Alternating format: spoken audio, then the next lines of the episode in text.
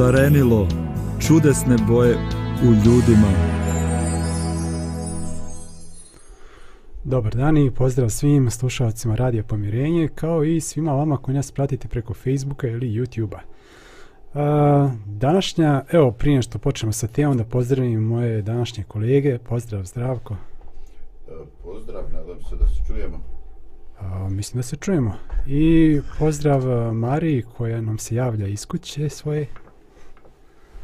Milane, pozdrav iz Dervente. A, drago mi da si, da si tu. A, danas smo, mi smo ovdje već ranije u ovom studiju razgovarali o toj, o toj našoj ljudskoj potrebi da na, našoj želji da se mijenjamo, onda nekako nova godina dođe kao a, prigodan datum, kao neki novi početak kada, kada donosimo neke odluke kako želimo neke stvari bolje da radimo u novoj godini. I jedno, e, dok smo razgovarali, Bože je rekao, ovaj, kako većina tih odluka ne, ne doživi ni, ni ne, ne preživi ni sredinu januara. ovaj, to, to je možda bilo preterivanje u, u, onako šaljivo, ali, ali ima dosta istine u tome da, da, da sve što mi to odlučimo bude samo neki spisak lijepih želja koji, koji se nikada ne ostvari. I evo ovde, evo danas je tačno otprilike negdje sredina, sredina januara, pa sam ja želio da razgovaram o tome a, kako, kako, šta mi sa, mož, sa svoje strane možemo da učinimo da te zaista odluke koje, koje smo donijeli za žive i da donesu neke stvarne promjene u naše živote. Znači, koji su neki koji su neki, da kažem tako, savjeti ili neki metodi koji no, mogu u tome da nam pomognu. A, pa ajde prije što počnemo prvo da, da, da, da, da vam postavim pitanje da li ste vi donosili nekakve odluke vezano za promjenu svog života i sa kakvim, se ste, e, sa kakvim ste se problemima suočavali da ih sprovedete u praksu? Ja imam problem da vidim sam sebe. O, evo me, super, proradilo. O, ajde, Marija, ovaj, i, i, izvini, mislio sam da ti, da ti dam prednost, ali sam se nešto isfrustrirao, ovaj, kec, nešto ne pali mikrofon. Pa rekao, šta mu je, šta, šta štrajkuje jutro ono, jer mora vas da neko iznenađenje da bude. Ja sam mislila da imaš problem sam sa sobom da vidiš sebe i koje promene da uneseš, a ti imaš da, sa videom. da, da, da. E, pa super bi bilo da u životu čovjek ima problem samo sa videom. Ovaj, nekako bi se to tehničari riješili. Ovaj, pa ne, ne znam, Milane, uh, kad sam bio mlađi, uglavnom se sve to svodilo na neke želje. Ovaj, e, šta bi čovjek želio. Kasnije kad odrasteš i kad dobaciš malo na kilograma, onda ono ima želje, šta znam, ovaj, kad si mlađi da bildaš malo mišiće, ovaj, ja svake zime ovaj, sanjam kad dođe lijepo vrijeme kako ću ići makar jednom sedmično u ribu, a kad dođe ljeto onda se to dešava jako rijetko, onda sledeće svake zime opet ovaj, ja a, žalim za izgubljenim i, i tako godine ovaj prolaze, a ja sve manje idem u idem u, u ribolov. Ovaj, ali bilo je i takvih stvari, ovaj e, ne, znam, ne, ne znam kako da ti kažem. E, ponekad se pitam da li su ciljevi bili realistični. A, okej. Okay. To je, već, to je, to je važna stvar. To je već jedna stvar. A, ovaj, a drugi, drugi put, ha, valjda motivacija, valjda neki ritam života, mislim, ne znam, ali ne mogu se baš, volio bi da mogu da ti kažem, da sam prebacio ovaj da sam prebacio polovinu. Dobro, ali recimo to je planiranog. Ko, ko je zbog čega misliš da tvoji planovi, da tvoje te da te tvoje odluke nisu nisu ispjevale? Pa zato što sam ovaj ja na meni je ovisilo, a razumiješ, a ja sam slaba karika. A, dobro. Znači nedostatak volje, energije, defokusiraš se, odeš na drugu stranu, život nosi iskušenja, neke neke stvari koje treba savladati i onda ti zaboraviš to što si eto ovaj to što si planirao i mm. to što si htio. Uh, Marija, sa, uh, kakvi su problemi tebe spriječavali da uh, sprovedeš svoje novogodišnje ili, ili generalne odluke vezano za promjene pa, neke u životu? neću da zvučim neskromno, ali ja sam se prijatno iznenadila kada sam pogledala spisak za prošlu godinu da sam sve ostvarila. Doduše možda su te neke Čestitam. odluke bile baš usko vezane sa rokovima i trebalo je to ispoštovati, ali zaista su to velike stvari koje su se završile u prošloj godini i onako kad sve to štikliram osjećam se ispunjeno. A sada, tako da kod mene ne zaboravim odluke posle 15. nego možda tek posle 15. počnem a, da radim na njih, njihovom ostvarivanju. A, dobro, dobro. Znači ti si igrač na duge staze, nisi, nisi sprinter. U smislu da ovaj, ti se tek zagrijavaš prvu polovinu januara, a tek onda kreće pravo ostvarivanje. Znači nisi zaboravila svoje odluke koje si... Pa u principu prva polovina januara mi je iskreno služila da dovršim neke stvari koje su ostale od decembra, a to nema veze sa odlukama nego sa poslom. E sada, a, mislim da moje konkretno odluke nisu neke želje koje su abstraktne pa je onda pitanje kad ću ih ostvariti, Mhm. nego više mislim da trebamo da naše odluke a, planiramo a, tako da od njih napravimo plan akcije, a ne da samo budu neke želje koje mogu, a i ne moraju biti ostvarene. Mhm. Zvuči jako Marija pragmatična čoveče, ono, da. Da, ovaj, pa da, evo ja, evo recimo kad već pričamo o tim nekim problemima, ja, ja, se, ja sam imao problem da, da ja napravim te svoje ciljeve, međutim ja to negdje zapišem i onda, ne znam, tri godine kasnije otvorim taj, taj isti, tu istu svesku ili, ili bilježnicu i onda, a vidi, ja sam to lijepo napisao. Ali poslije toga nisam ni jednom otvorio, niti, niti da kažem, uh, pratio pratio ostvarenje tih planova, analizirao, nisam um, nisam nisam napravio neke rokove kad bi to trebalo da održim i to je jednostavno ostalo tu na papiru, lijepo napisano, sve sam ja to onako i fino i smislio, ali nisam kasnije ništa konkretno radio da, da bih to da bih to a, primijenio u praksi.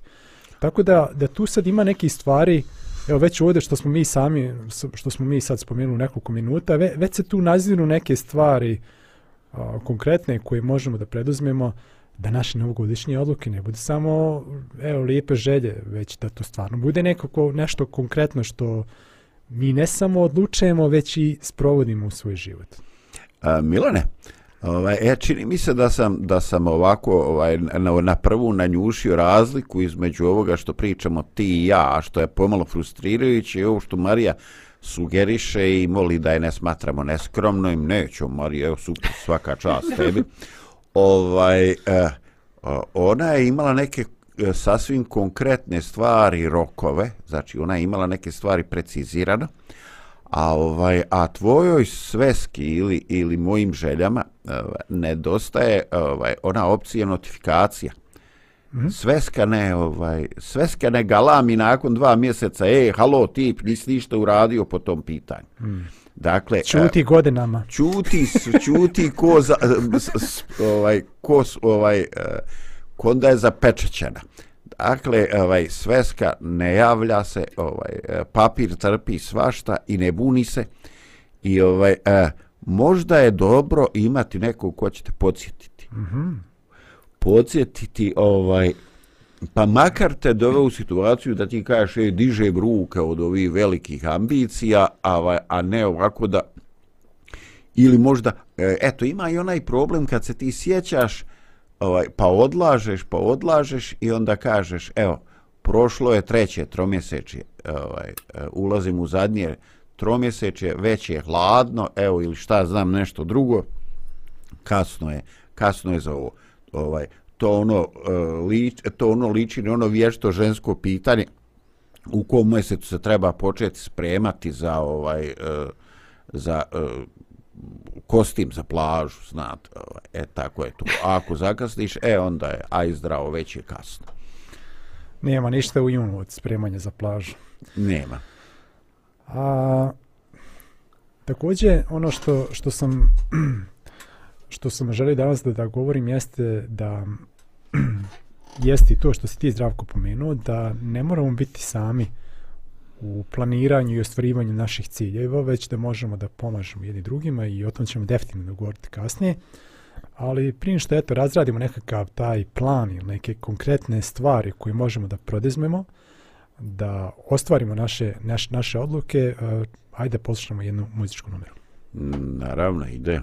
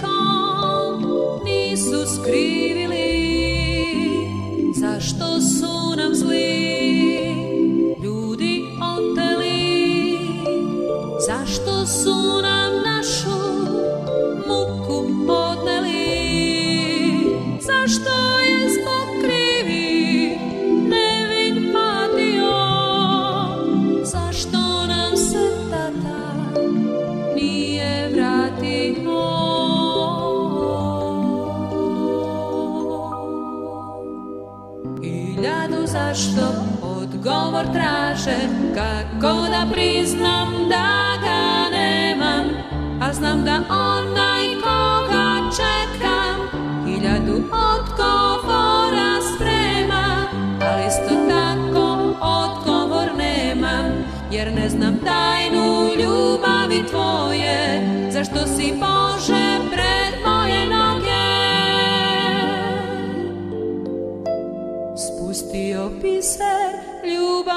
saw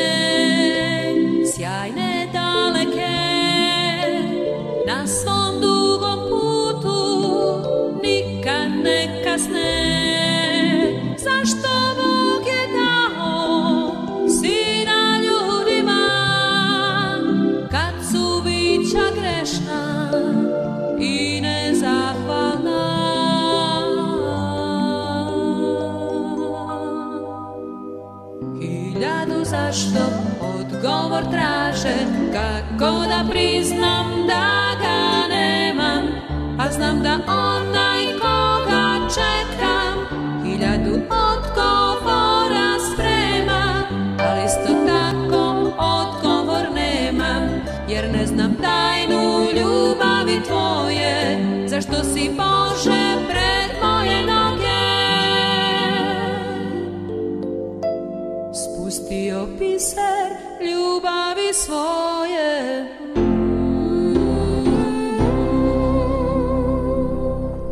Evo nas nazad u studiju i govorimo o tome kako se držati i biti čvrsti u sprovođenju naših novogodišnjih odluka.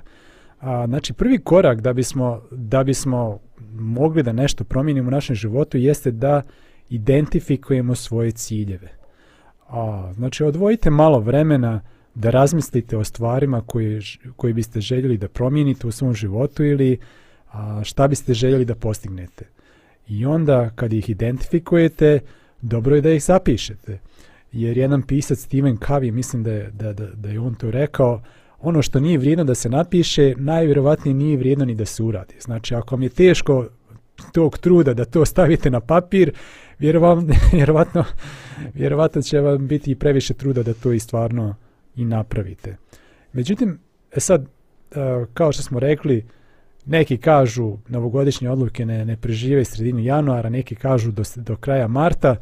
Uglavnom, e, čisto su ti novogodišnje odluke, da kažem, predmet zbijanja šala, u smislu kako ih ljudi stalno donose, a nemaju nikakvog efekta i svi od njih odustaju. Međutim, istraživanje pokazuju drugačije.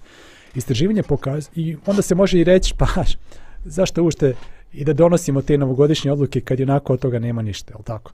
Međutim, istraživanje pokazuje drugačije, a to je da oni koji donose novogodišnje odluke imaju deset puta više šanse da promijene svoje ponašanje od onih koji te odluke uopšte i ne donose.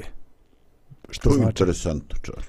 Takođe, i ta, i ta priča kako uglavnom ljudi su, um, nemaju nikog uspjeha u njihovom ostvarenju, takođe ni ona baš ne uh, ne drži vode, zato što ima jedno drugo istraživanje iz 2020. koje kaže da je 55% ispitanika a, se izjasnilo da je, da je zadovoljno uspjehom koji su postigli u ostvarivanju tih novogodišnjih odluka. Znači nije tako baš kao što nam se predstavlja da je to samo neko besmisleno nabrajanje želja koji nema nikakvog efekta, već da stvarno ljudi koji, koji to rade imaju više uspjeha u promjeni svoga ponašanja.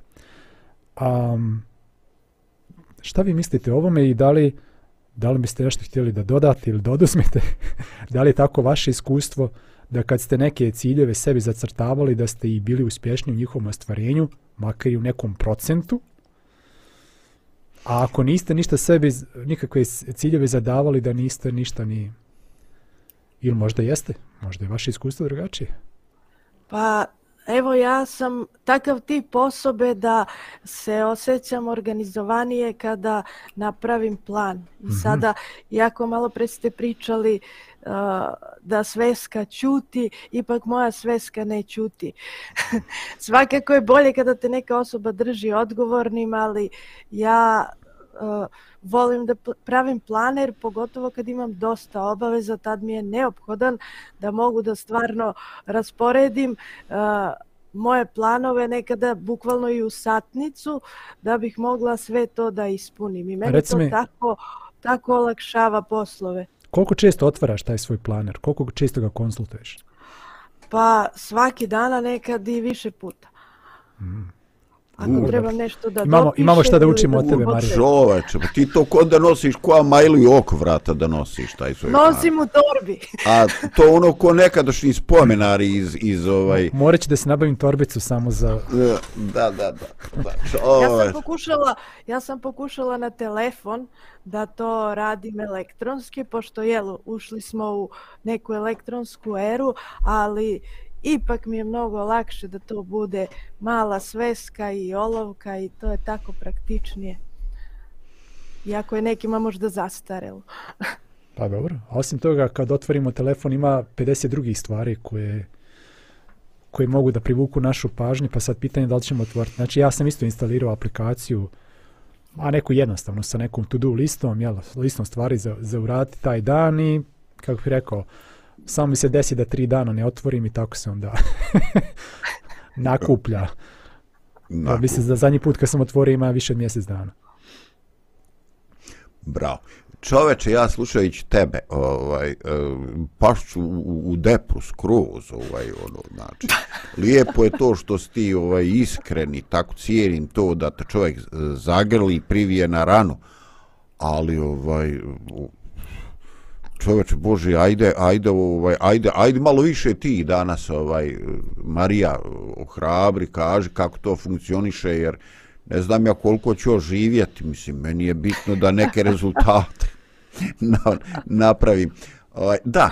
E, ja sam ja sam pisao, ja sam imao više uspjeha, mogu da potvrdim to, imao više mi je bilo, više sam imao uspjeha sa pisanjem na, na papir, recimo svojih dnevnih i, i dobro, sedmičnih ciljeva ne baš, ali recimo dnevnih, dnevnih, dnevni plan, sam imao više uspjeha kad sam ga pisao na papir, ne kad sam odlučio da koristim tu aplikaciju. Nekako s aplikacijom nije, nije zaživilo. Možda sam trebao biti uporniji, ali Mislim da, da kad uzmeš papir, on samo jednu stvar može da ti kaže. Kad uzmeš da, da. telefon, on ti 50 stvari nudi i onda može I, da... I onda te dezorijentiše totalno. Ideš tamo gdje nisi. Ovaj, pa, pa čekaj, a to je, to je početnički problem u svakom istraživanju, u svakom spremanju nekoga. Ovaj, recimo, hoćeš neku temu da obradiš ili spremaš ispit i ovo i ono, ili, ili ovaj, privlačite neka tema i želio bi od nje da saznaš i onda tražiš izvore i dok konsultuješ neki izvor nađeš nešto drugo. Znači, moj je jedan problem kojim sam se ja užasno mučio, što sam ja eh, čitajući ili prelistavajući neku knjigu nalazio druge teme koje su fantastične i izazovne koje bi trebalo ovaj uh, obraditi. I onda ja ode sve dalje i dalje čoveče rasplinu se.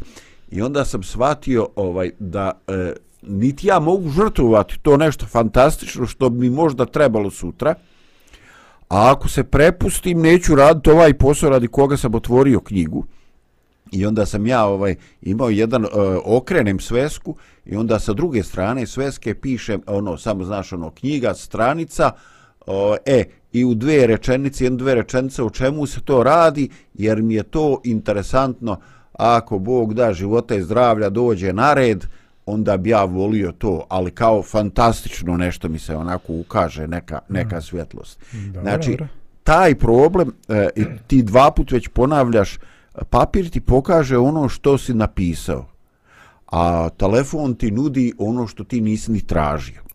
Tako da jeste. je to čudo. Znači, prvi problem koji može nastati jeste da nemamo ciljeve. U tom slučaju najvjerovatnije nećemo ništa napraviti drugačije nego što smo u prijethodnoj godini. Ili ako budemo napravili nešto drugačije, to neće biti našom namjerom, već spletnom okolnosti koji su izvan našeg utjecaja. A vjerujem da niko od nas ne želi da okolnosti budu gospoda naših života, već da ipak mi imamo neku kontrolu i nekakav smjer da određujemo.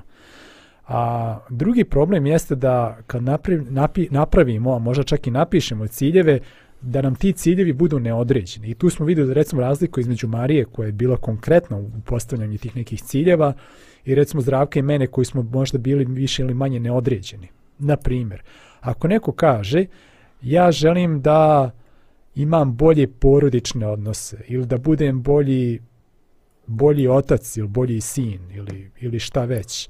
Ili ako neko kaže želim da unapredim svoje zdravlje. To, to su stvarno hvale vrijedne cilje, je tako? Međutim, vrlo su neodređeni, neodređeni vrlo magloviti. Šta, šta znači e, želim da unapredim porodične odnose. To je, mislim, vrlo nekonkretno. Ili želim da unapredim svoje zdravlje. Dobro, lijepo, ali šta, šta konkretno hoćeš da uradiš da pusti, pusti stotinu stvari koje može da... Je to plava ili crvena buba? Šta, šta treba da progutaš? A, tako da, a, pusti stotinu stvari koje možeš da uradiš da naprediš svoje zdravlje, ti moraš da odrediš tačno šta ti želiš da uradiš. Dakle, potrebno odrediti ciljevi koji su konkretni, koji su, koji su mogu koji su a, merljivi. Tačno, koji su mjerljivi. Znači, ne samo ja ću, ma, ja ću da smanjim, već šta ćeš da smanjiš, koliko ćeš da smanjiš. I treba postaviti rokove, kad ćeš to da smanjiš. Onda prestaješ pušti čoveče, ono, mislim, ono,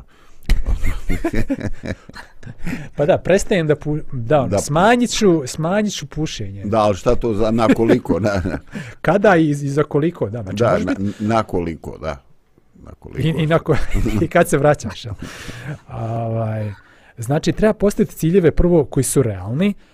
Jedan od velikih problema pri postavljanju tih ciljeva da mi zagrizemo više nego što možemo da, da, da sažvaćemo. U smislu, e, sad ću ja, ne znam nija, s jednog sedentarnog načina života gdje svako vrijeme provodim ispred televizora sa pivom u ruci i sa čipsom u drugoj, I sad ću odjednom da ne znam nija,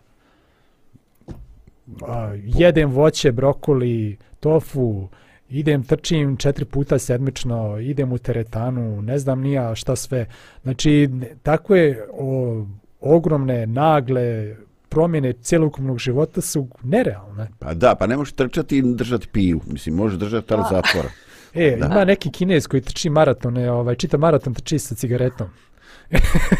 I onda su ga zadnja, posljednja dva puta diskvalifikovali zato što to nešto nije, u- nije u skladu sa Etikom, etikom. etikom maratona, a i smeta drugim trkačima. Ali stvarno čovjek uspjeva da trči po čitav maraton i drži cigaretu u ustima. To, to Zovu ga, zovu ga Ujka Chen. Ovaj, Meni je okej postaviti neki veliki cilj. A sad šta je kome nerealno? A, problem generalno sa ciljevima može biti u tome što ako je cilj a, veliki, a za novu godinu postavljamo veće ciljeve, ne neke Mhm. sitne, onda a, moje lično mišljenje jeste da tu ima dva problema. Prvi problem je ako postavimo previše ciljeva i taj jedan je sam ogroman i onda mi postavimo njih previše i mi kao ljudi nismo baš skloni da se lako menjamo i vidimo da ne možemo i to nas obeshrabri i odustanemo od svega. A drugi problem je što kad postavimo veliki cilj, mi imamo samo taj veliki cilj i opet kad vidimo da ne možemo odjednom da ga ostvarimo, nema instant, instant rešenja i to nas obeshrabri. Zato je rešenje za ostvarenje velikih ciljeva postaviti do velikog ciljeva mnogo malih ciljeva. Etape, misliš neke. Da, kada ja ostvarujem te male ciljeve, to će mene motivisati i ohrabriti. Na primjer, ja želim da smršam, lupam, 20 kg i to je ogroman cilj. mm, A ja onda moram da shvatim da ja to ne mogu za nedelju dana. Ali ako za nedelju dana smršam kilogram, to će biti 4 kg za jedan mesec. Onda ću moći za nekoliko meseci Za da godinu dana 20 možeš komotno da umreš. Bože, I sada, šta je mnogo je vam? lakše, Da. mnogo je lakše pročitati jednu stranicu knjige nego reći moram da pročitam 500, to me ubija, ne mogu, odustaću od toga. Da. To, znači, drugi korak bi bio podijelite ciljeve na manje korake. znači, čak i ako napravimo konkretan cilj, kao što si ti, Marija, rekla, želim da smršam 20 kg, ili ne znam, želim da želim da pročitam a, 10 knjiga Knjigu ove od godine, 500 ili, ili knjigu od 500 stranica, recimo, želim da pročitam a, sva četiri toma Rat i mir, ovaj, onda, onda moramo da podijelimo na manje ciljeve. Ili recimo, ja imam konkretan cilj ove godine, želim da istrčim maraton. Dobro, i šta sad to znači? Odem tamo i istrčim ga? Ne, ja moram da planiram mnogo mjeseci unaprijed a, šta ću da radim. Znači, za nekog ko je tek početnik, taj treba da trči, da krene da džogira dva ili tri puta sedmično, pa onda kasnije da pravi planovi kako će da povećava broj kilometara, kako će da povećava broj treninga, treninga u sedmici i tako dalje. Znači, e, velike ciljeve treba podijeliti na manje koji su, koji su ostvarljivi u, u nekom kraćem roku. Inače, ako ostanemo samo na velikom cilju, opet ništa od toga. Ok, evo do sad već imamo dvije važne stvari koje smo, koje smo istakli. Znači, napišite svoje ciljeve, neka budu konkretni, realni i mjerljivi. I kao druga stvar, ako već imate realni ciljeve koji su veliki, da ne biste zagrzli više nego što možete da sažvaćete, podijelite na manje dijelove a, i idite onda za tim manjim, manjim podciljevima i oni će vam donositi neku vrstu ohrabrenja i još je zadovoljstva da i vi ipak možete nešto da sprovedete u svom životu. Prije nego što nastavimo sa drugim koracima, čućemo jednu muzičku numeru. Sliši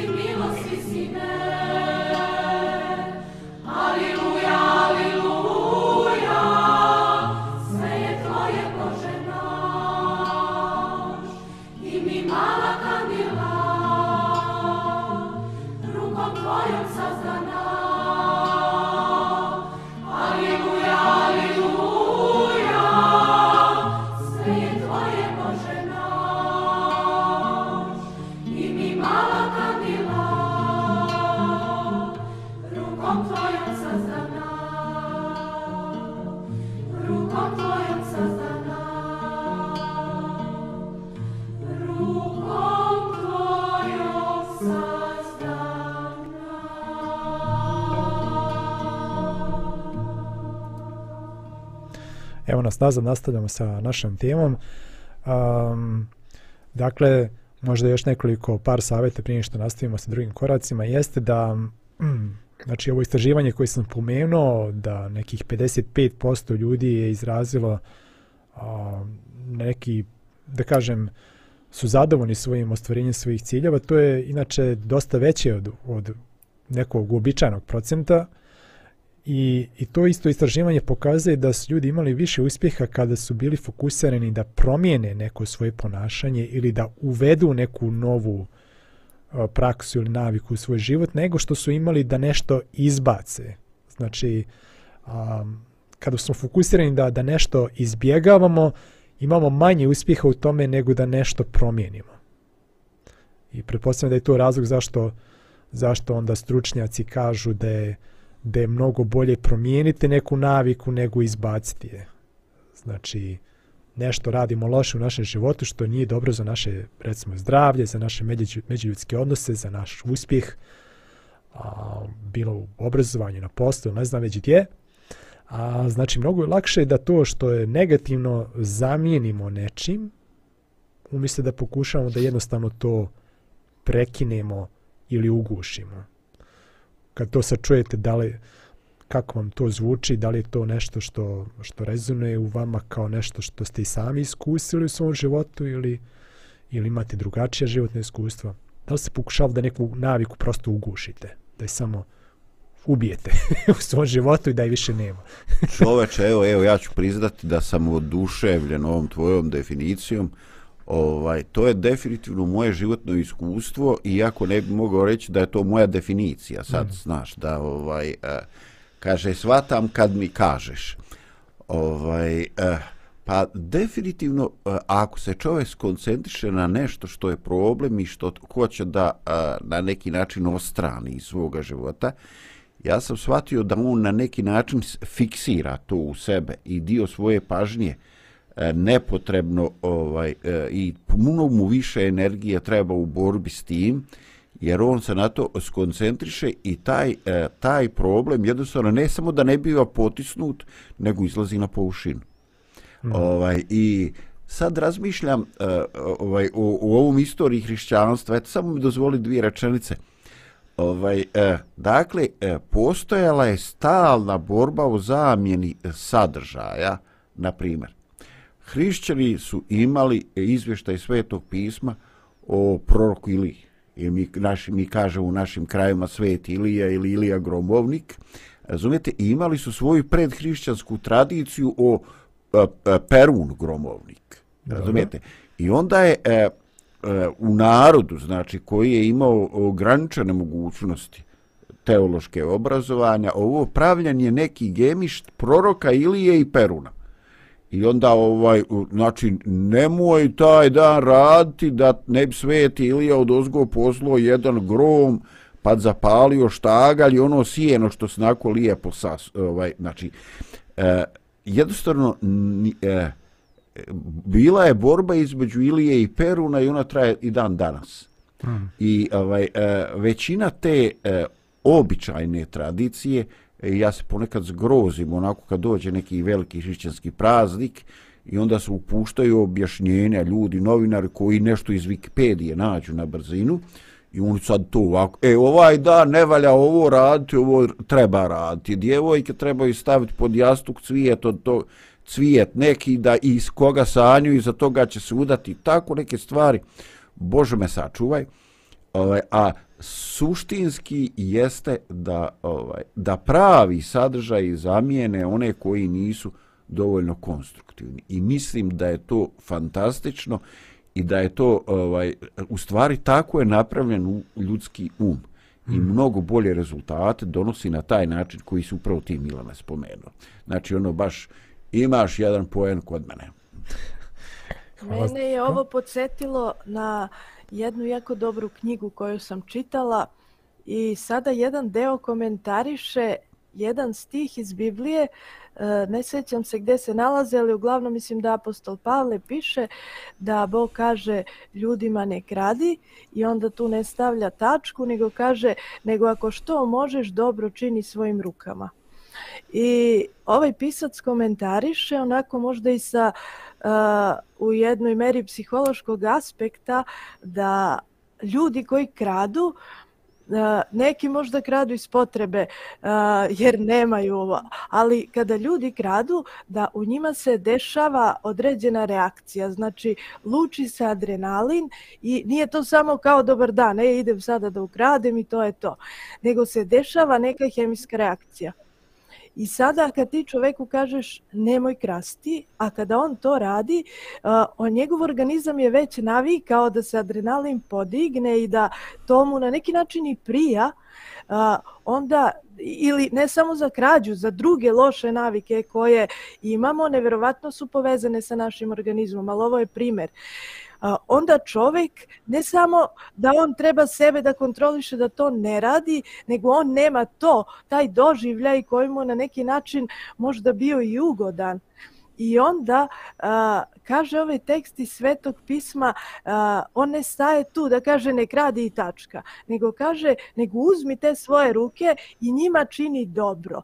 Znači, a, Eh, Bog ko je nadahnuo apostola da napiše to zna kako naš organizam funkcioniše i kaže eh, uzmi ruke sa kojima si krao i sa njima sada čini dobre stvari. A vi ste svedoci, vjerovatno u svojim životima, kada činite nekome neke dobre stvari ili kada nekome date, da je mnogo lepši osjećaj nego kada od nekoga dobijete hmm. ili kada uzmete.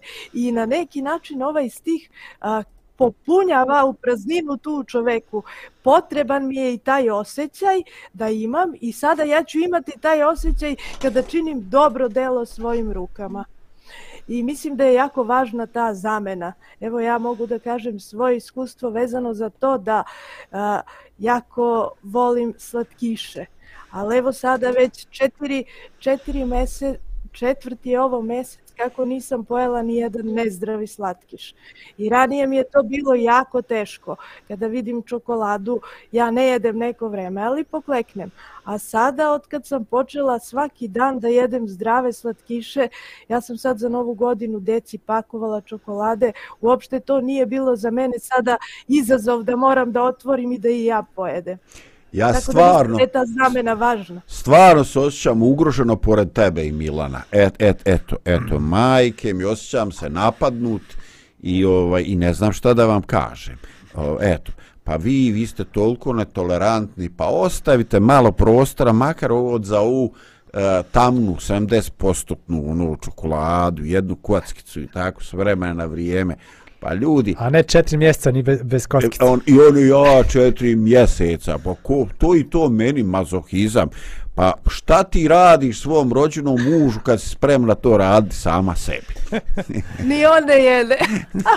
pa mogu, mogu predpostaviti. Ovdje sad, da, ovdje sad, ali ovdje sad ima, e, sad to zdravko se šali, ali tu ima stvarno jedan problem da, da, da ljudi koji imaju recimo neke sad, aj recimo da kažem, niže standarde ponašanja, u smislu nekakve uzdržljivosti ili ono, da, da se osjećaju ugroženim od ljudi koji imaju više standarde. A, a mislim da tu ušte ne treba tako da bude. A, znači, to što neko, ne znam ni ja, to što neko, recimo, nikad ne jede čokoladu, a ja ne mogu dva dana bez nje, to ne znači da sam ja ugrožen od strane te osobe. kao što kao što nije ona osoba koja koja jede svaki dan kilo čokolade nije ugrožena od strane mene. To je samo neki mis, jedan se nalazi u ovoj situaciji, a jedan se nalazi u novoj situaciji. Znači, nije, nisam mu ja kriv što jede kilo čokolade dnevno. niti, je, niti je meni onaj kriv što nije jeo, niti je meni Marija krivo što nije jela četiri mjeseca. To znači, da. mi svako, mi, svako od nas vodi svoju borbu. Da. I možda možda nešto da možemo da naučimo od onoga, možda ja mogu nešto, moguće, Marija mi reci mi kako se to postigla, a ne, da. e, Marija me, nije, a, znači, a, mene, mene čokolada ugrožava, a Marija eventualno može da mi pomogne u toj borbi. A, ako... Sve je to lijepo, logično, ali, ovaj, ali vidiš, ja imam problem sa tim, što, ovaj, sa ta četiri mjeseca, što ona to broji, što ona to sabira. A razumiješ pa zato što ima svoj onaj notes gdje je zapisala. E, moguće, moguće. E, ja sam skoro, ovaj, e, ja sam skoro e, čitao jednu onako žestoku, ovaj, žestoku šalu i ovaj kaže čovjek od psihologa otišao i ovaj pita, kaže, jeste imali u porodici neke osobe sa određenim e, psihološkim duševnim smetnjama, koje nisam. E, e, jesam, jesam, šta je? Pa kaj jedan stric pio bezalkoholno pivo. Ja se onako nasmijem i onda na pola smijeha zaustavim. Čekaj, čekaj, nije to skroz bez uma. A razumiješ me, ne, on ima neki problem. Što je pio bezalkoholno pivo ako ga to ne privlači? Što nije pio sok? A što će mu ikakvo pivo ako mu to ovaj ne treba? Ima, e, evo ja sam sad, ovaj, ovo više nije šala. Eto, da zvančno izjavim, sad se ne šalim. E, ja imam jednu nedoumicu i imam neko svoje rješenje i ne želim da ga konfrontiram sa tuđim stavom. Znači, apsolutno nebitno mi je ko je sad tu u pravu. A to je, e, nekako ta, e, te isključivosti, ja nisam ni jednom uzela parčence za četiri mjeseca. Naravno da je to tvoje pravo i da to nikoga ne ugrošava. Ali postoje ovde u Bosni neki principi.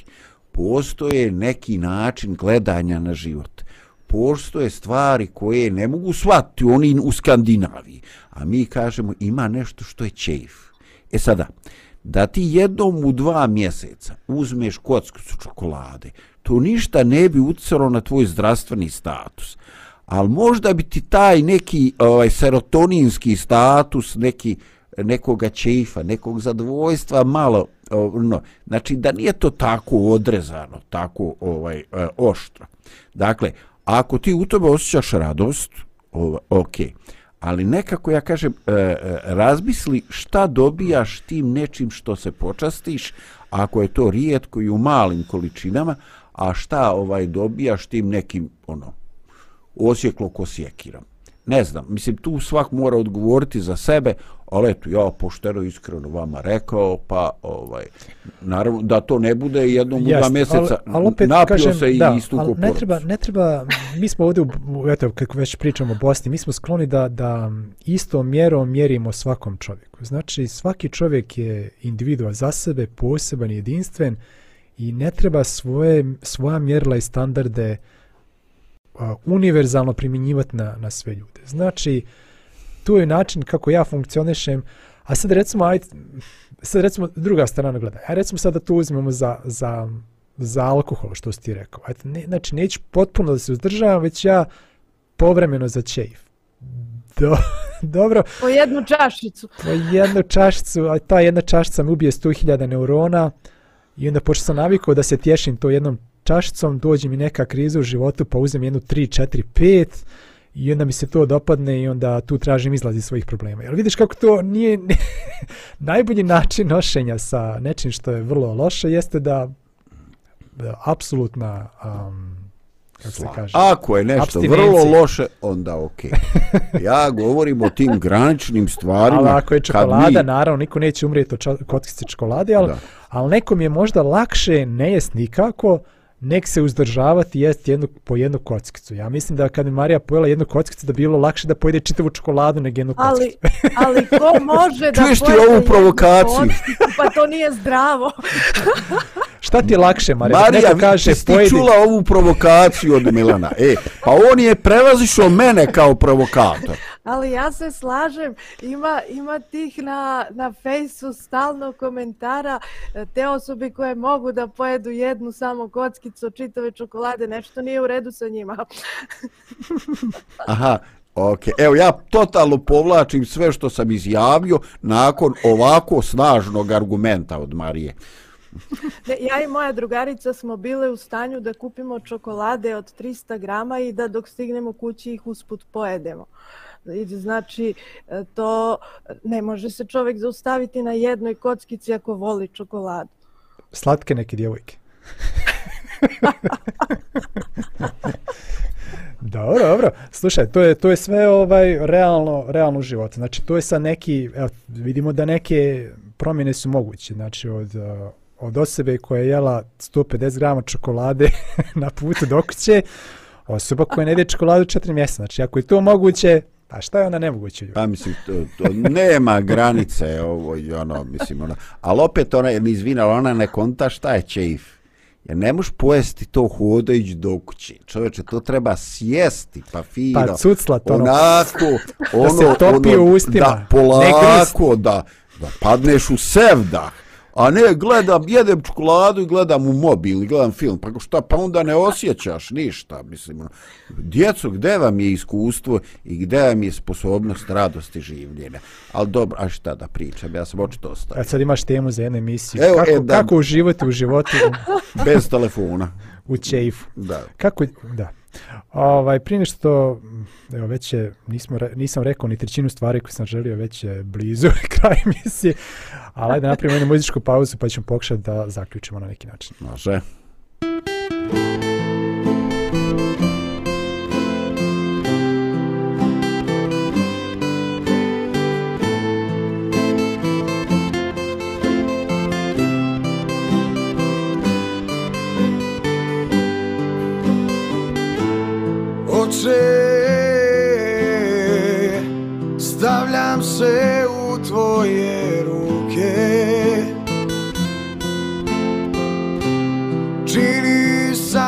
Po svojoj volji Ma kakva ona bila, ja zahvaljujem ti. Ma kakva ona bila, ja zahvaljujem ti. I spreman sam na sve I spreman sam na sve, I prihvaćam ja sve prihvaćam ja sve. Samo da se u meni i u svim stvorenjima tvojim vrši volja tvoja.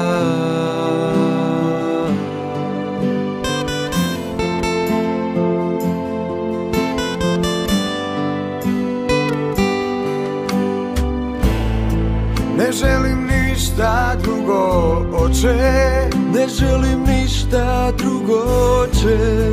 Ne želim ništa drugo, oče. Ne želim ništa drugo, oče. Predajem ti svoju dušu Sa svom ljubavlju koju imam Jer te ljubim.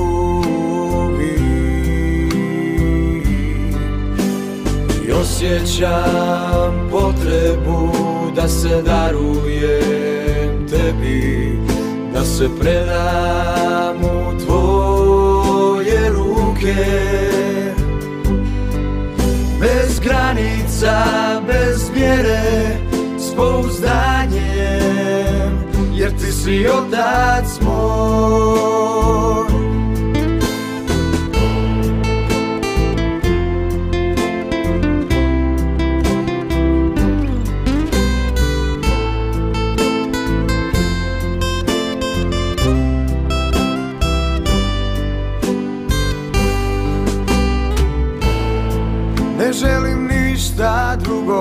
oče Ne želim ništa drugo, oče.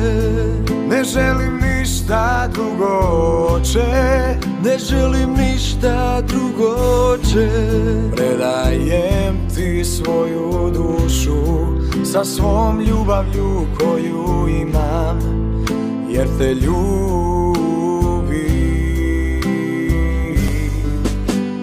I osjećam potrebu da se darujem tebi Da se predam u tvoje ruke. Bez granica, bez mjere, s pouzdanjem Jer ti si otac moj. Bez granica, bez mjere, s pouzdanjem si otac moj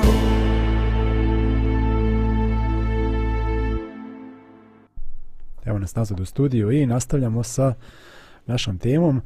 Ovaj, evo, jedan od savjeta jeste da kad, kad planiramo i, zap, i neke, kad imamo neke odluke, kad planiramo neke promjene u našem životu, treba da budemo svjesni da smo mi ipak ljudi ograničenih ograničenih sposobnosti za promjenu. Da, da mi nismo nekakvi, ne znam, nija, zamislite da, da ste kamion od, od 12 tona Sad ne znam da li možete da zamislite ako niste nikad vozili, nisam ni ja, ali otprilike to je jako teško vozilo i ne možete da promijenite pravac njegovog kretanja u, u, u sekundi ili dvije. Ako to pokušate, a, kamion će da se izvraje na stranu, znači ne, nećete uspjeti da okrenete. Znači, a, to zahtjeva da pomalo mijenjate smjer dok, dok, to ne, dok ne zaokrenete za 90 stepeni ili napravite puni pol, poluokret. A, isto tako i sa promjenom smjera našeg života ili nekih navika u našem životu. Znači, to ne može da se desi ra, za, samo se sjetite da one da te navike ili te stvari koje želite da promijenite uh, Eh, vjerovatno ste formirali tokom godina svog života i da nije realno da očekujete da apsolutno bez ikakvog bez ikakvih problema to promijenite za jedan dan ili sedmicu pa čak ili mjesec. Znači promjena je jedan proces i treba da imate na umu to čim počinjete. Jer ako odmah u prvoj sedmici ili mjesecu doživite neuspjeh i vratite se starim navikama, to će onda učiniti da se obeshrabrite i da kažete a joj ne mogu ja ovo. znači, vrlo je bitno da, da imamo odmah to na umu. I, i, I s obzirom na to, dobro je da se ne rasplinemo oko na, na sprovođenje mnogo stvari odjednom, jer onda najvjerovatnije nećemo uspjeti ni u jednoj od tih stvari. Znači, um,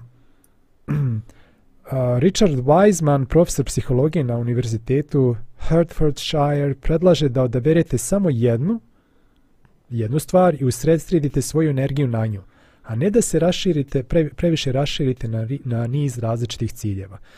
Preuzimanje previše stvari odjednom može biti zastrašujuće. To može posebno te, biti teško jer uspostavljanje novih obrazaca ponašanja zahtjeva vrijeme i neprekidan trud fokusiranje na jedan specifičan cilj čini zadržavanje, pridržavanje odluke mnogo, mnogo realnim i ostvarljivim. Znači, to je dobro da imamo na umu. Drugo, ako već znamo da će da je put do uspjeha, do promjene nije pravolinijski put, već da će tu biti skretanje, da će tu biti padova, dobro je da odmah čim pravimo plan, napišemo ili neki ost, e, pravimo nekakav cilj, da stavimo pored njega zašto želimo taj cilj da ostvarimo šta ćemo dobiti kad, kad ostvarimo taj cilj. To je važno jer je potrebno da se iznova motivišemo ka istom cilju i onda kad prođe neko vrijeme, možda kad nam entuzijazam spadne, možda kad budemo beshrabreni zbog nekog neuspjeha, bitno je da se vratimo tom istom cilju i da steknemo i da ponovo zadobijemo motivaciju da ga ostvarimo. I a, bitno je da razradimo taktike i nekakve strategije šta ćemo učiniti ukoliko dođe do do nekog neuspjeha, pada, nepredržavanje cilja i tako dalje. Znači, može, moramo dobro da odmah predvidimo da će do takvih situacija Rezervni doći. Rezervni položaj, a? Tako je, plan B, šta, šta ako ne ide sve po glatko, kao što najvjerovatnije neće ići, i onda šta ćemo da uradimo u takvim situacijama. Evo, recimo primjer. Sad neko kaže, evo, ja ću da, ne znam, trčim maraton, ja ću da, ja ću da budem mnogo fizički aktivniji, Znači, to nije dovoljno, već treba, kao što smo rekli, naproti određene konkretne cilje. U smislu, evo, ja ću da trčim tri puta sedmično. Nemoj samo reći tri puta sedmično, budi još konkretniji. Kojim danom ćeš da trčiš? U koje vrijeme ćeš da trčiš? Da li ćeš imati neko društvo da trčiš? Gdje ćeš da trčiš? Znači, vrlo konkretno i vrlo detaljno. Dalje, šta ćeš učiniti ako recimo prođe četiri termina za trčanje, a ti nisi nijednom otišao? Šta ćeš da uradiš ako recimo se prehladiš, razboliš, dobiješ dobiješ grip ili neku povredu zaradiš i ne možeš da treniraš, šta ćeš onda? Znači, vrlo je bitno da, da nas takve situacije ne, ne skrinu sa kolosijeka i već, već, da, već da imamo načina kako da se ponovo vratimo i kako da, da ostanemo kako da ostanemo privrženi odluci koje smo donijeli to ono kao kad piješ lijekove pa kaže ako, ako si ovaj e, promašio jedan termin za lijekove nemoj to uzimati drugom terminu duplu tabletu da ne, ono? nemoj pokušati da trčiš četiri trčanja u jednom da ono sviđa da se. da i sve od jednog čoveče imam ja još jedan savjet reci se Marija. A, pa ali mislim da i psiholozi preporučuju ovo. A, priznanje malih uspeha i osmišljavanje nagrada, nagradica nekih. Znači, za svaki ostvareni mali cilj odajte sebi uspeh odajte sebi priznanje za taj uspeh i uh, napravi, osmislite neke nagradice da ne bude nisam jeo nedlju dana čokoladu pa ću se nagraditi uh, sada čokoladom od 300 grama, nego osmislite neke nagradice koje će vas dalje motivisati i to zaista funkcioniše. Iako su te nagradice male, uh, postanu vam značajne. E, vidiš, to mi je već blisko. Ono, ovaj, umjesto jedne uzeću dvije datule, jel tako? Pa jeste, znači treba biti, treba biti zahvalan i, i, i, i srećan i kad, kad ostvarimo neki mali cilj, a ne samo ovaj, da čekamo neki veliki cilj, pa kad ostvarimo veliki cilj, onda ćemo biti srećni. Znači, vjerovatno nećemo ga nikad ni ostvariti. Znači, bitno je da, da, taj, da, da uživamo u procesu, da budemo srećni kad napredujemo u ostvarenju onih malih ciljeva i onda će to biti ohrabrenje da idemo dalje. A, I šta još htio da kažem, pa mi sad iskliznu iz glave, bitno je da, da te, a, recimo, recimo ja, ja kad idem na trčanje, pa, pa trčim na, na to naše brdo omiljeno, omiljeno mjesto za rekreaciju i tu ima nekih 3 km 800 uspona, ja svaki put kad se popne na, na vrh tih stepenica na najvišu tačku pored samog spomenika ja malo ovako skakućem kao Rocky u filmu Rocky 2 ovaj, ili Rocky 1 više se ne sjećam ovaj, kad se on penja uz to ste neke a, klasične scene kad se on penje uz, uz niz nekih stepenica koji postoji tamo u gradu Filadelfije u Americi i onda se on popne na vrh i onda prostavlja što je, što je tako popravio svoju kondiciju da može da skače tako ja neki način imitiram njega i malo iskakućem tamo i prostavljam što sam uspio još jedno da se popnem bez stajanja. Roki, brate, nisam te prepoznao. Adrian! ovaj, I toliko za danas. Eto, hvala vam, Zdravko i Marija, na ovaj, vašim komentarima i na diskusiju, di- diskusiji koji, koji ste ovaj, um, u, znač, u, značajnom, u značajnom mjeri uh, proizveli. I pozdrav svima vama našim slušalcima i u želju da ostanete detaljni, realni i čvrsti u sprovođenju svojih novogodišnjih odluka. Bog vam na pomoć bio.